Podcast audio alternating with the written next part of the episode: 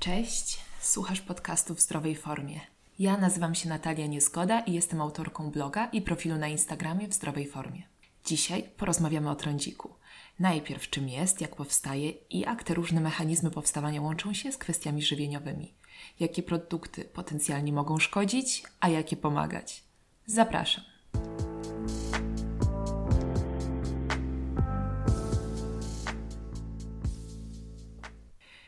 Trądzik młodzieńczy, zwany też pospolitym, jest jednym z najczęstszych problemów skórnych na świecie. Szacuje się, że dotyka nawet 85% młodych osób w wieku od 12 do 25 lat, a największą powszechność zauważa się w wieku lat 15. Na powstawanie trądziku wpływa wiele czynników, jednakże w okresie dojrzewania za najistotniejsze uznaje się te hormonalne. Nie można pominąć oczywiście też czynników genetycznych i środowiskowych, na których to w dużej mierze się dzisiaj skupimy. Więc nie przedłużając, przechodzę od razu do szczegółów. Do najważniejszych przyczyn powstawania trądziku możemy zaliczyć nadmierne wydzielanie sebum, nadmierne rogowacenie mieszkowe, yy, nadmierną proliferację, czyli rozrost, rozmnażanie się bakterii, Cutibacterium acnes oraz mechanizmy zapalne. Aby zrozumieć potencjalny wpływ czynników odżywczych na powstawanie trądziku, wymienię teraz kilka kluczowych nazw enzymów, hormonów itd., które na poziomie komórkowym będą wpływać na trądzik.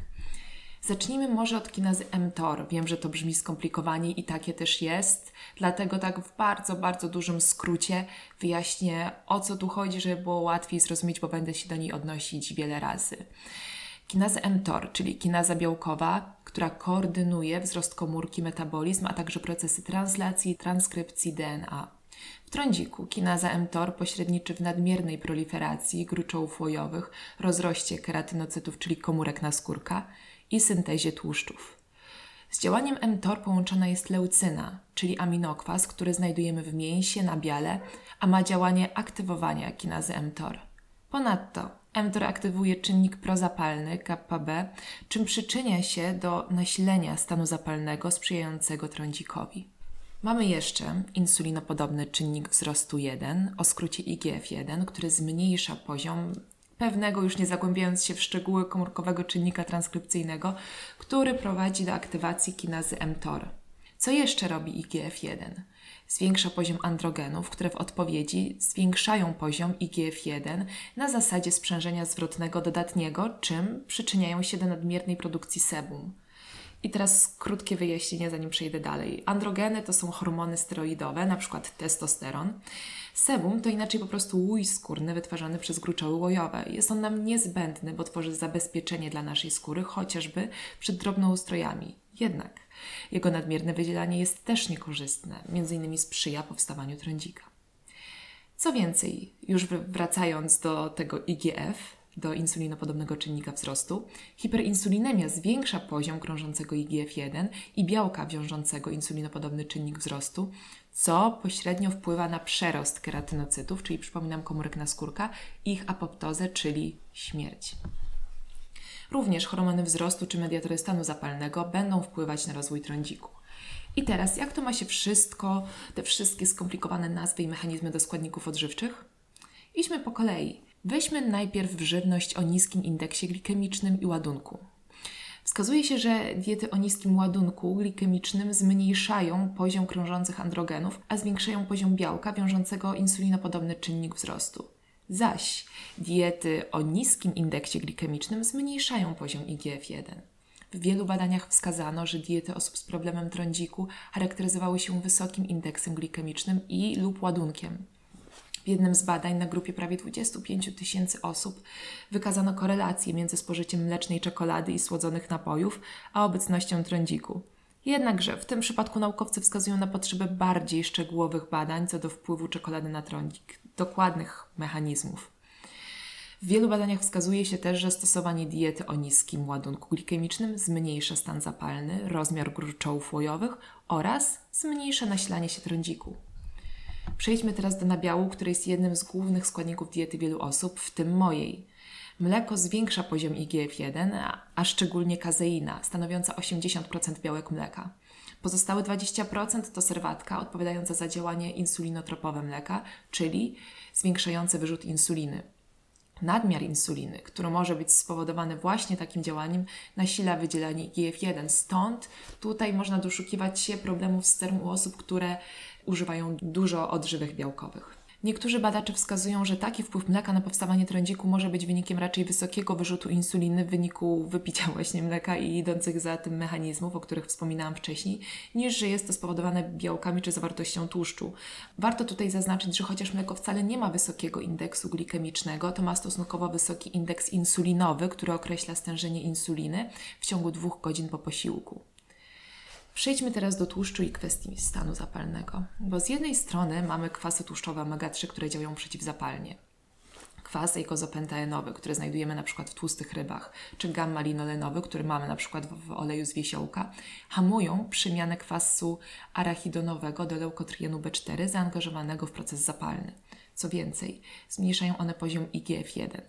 Są badania, które wskazują korelację między zwiększonym spożyciem ryb a zmniejszeniem trądziku, i z drugiej strony mamy nasycone kwasy tłuszczowe i tłuszcze trans działające prozapalnie, które mogą potencjalnie sprzyjać problemom skórnym.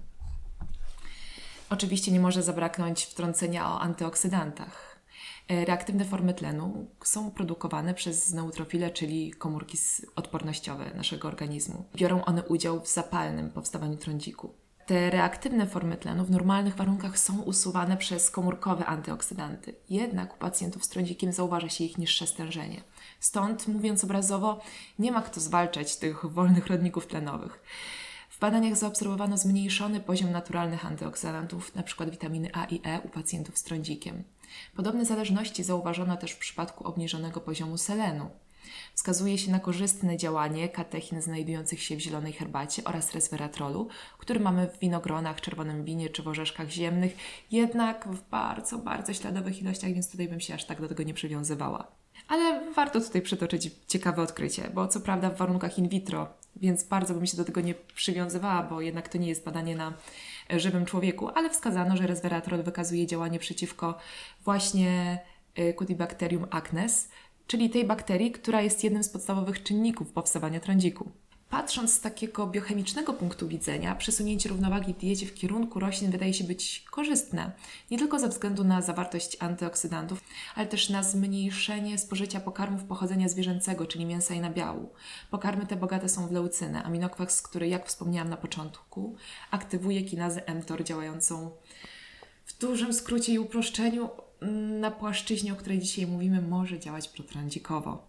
To jeszcze chwilka o probiotykach, względem których zainteresowanie wzrasta, więc nie można ich pominąć. Przeciwtrądzikowe działanie probiotyków może potencjalnie opierać się na następujących mechanizmach. E, Bifidobacterium lactis poprawia metabolizm glukozy i poziom insuliny na czczo. Inne szczepy, takie jak na przykład e, Lactobacillus casei czy Lactobacillus bulgaricus, podawane w mieszankach z kwasami tłuszczowymi, mają wykazane działanie przeciwzapalne, ale są to jednak badania in vitro i do ostatecznych wniosków potrzebujemy więcej wiarygodnych doniesień. Co więcej, warto tutaj też zaznaczyć, że metabolity produkowane przez mikrobiotę jelit wchodzą w interakcję w szlak sygnałowy mTOR, który w odpowiedzi wpływa na mikroflorę jelitową, potencjalnie zaburzając jej strukturę i przyczyniając się do rozwoju trądziku. Stąd tutaj dochodzi kwestia połączenia między mikrobiomem a skórą. Mówi się nawet o osi jelita-skóra. Jednak, tak jak każda kwestia związana z mikrobiomem jest obszerna, skomplikowana i nie aż tak dobrze poznana, więc na tym tutaj poprzestanę. Podsumowując, kluczowymi komórkowymi graczami w kontekście cery są kinaza mTOR, insulinopodobny czynnik wzrostu, androgeny, mediatory stanu zapalnego i bakterie. Pokarmy, które mogą nasilać omówione dziś przeze mnie mechanizmy, to produkty odzwierzęce. Mleko, mięso, tłuszcze nasycone i produkty o wysokim indeksie glikemicznym. Korzystnie na stan cery mogą wpływać za to produkty zawierające naturalne antyoksydanty, czyli przede wszystkim warzywa i owoce, np. papryka, cytrusy, sałata, kapusta.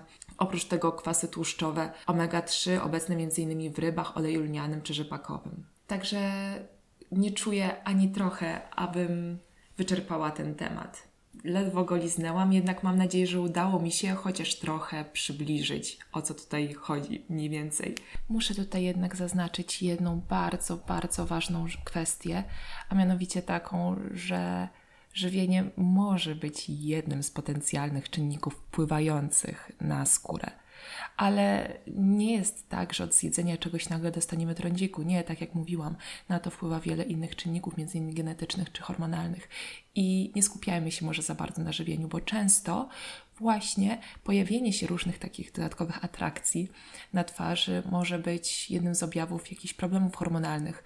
Więc po pierwsze lekarz, po pierwsze hormony, a później próbujmy może coś zmienić w żywieniu, wprowadzić. Jednakże pamiętajmy, te wszystkie składniki, o których tutaj mówiłam, jako korzystne dla cery, czyli naturalne antyoksydanty, kwasy tłuszczowe, omega-3 i tak dalej, to one są po prostu korzystne ogólnie dla naszego zdrowia, więc warto je zawsze włączyć do diety. Nie tylko dla zdrowej cery, ale ogólnie dla zdrowia całego organizmu. Więc chciałabym, żeby to pozostało jasne. Jedzenie nie jest lekarstwem, ono może wspomagać, czasem może szkodzić, ale nie jest remedium na wszystko. Pamiętajmy o tym zawsze i nie dawajmy się tutaj zbałamucić.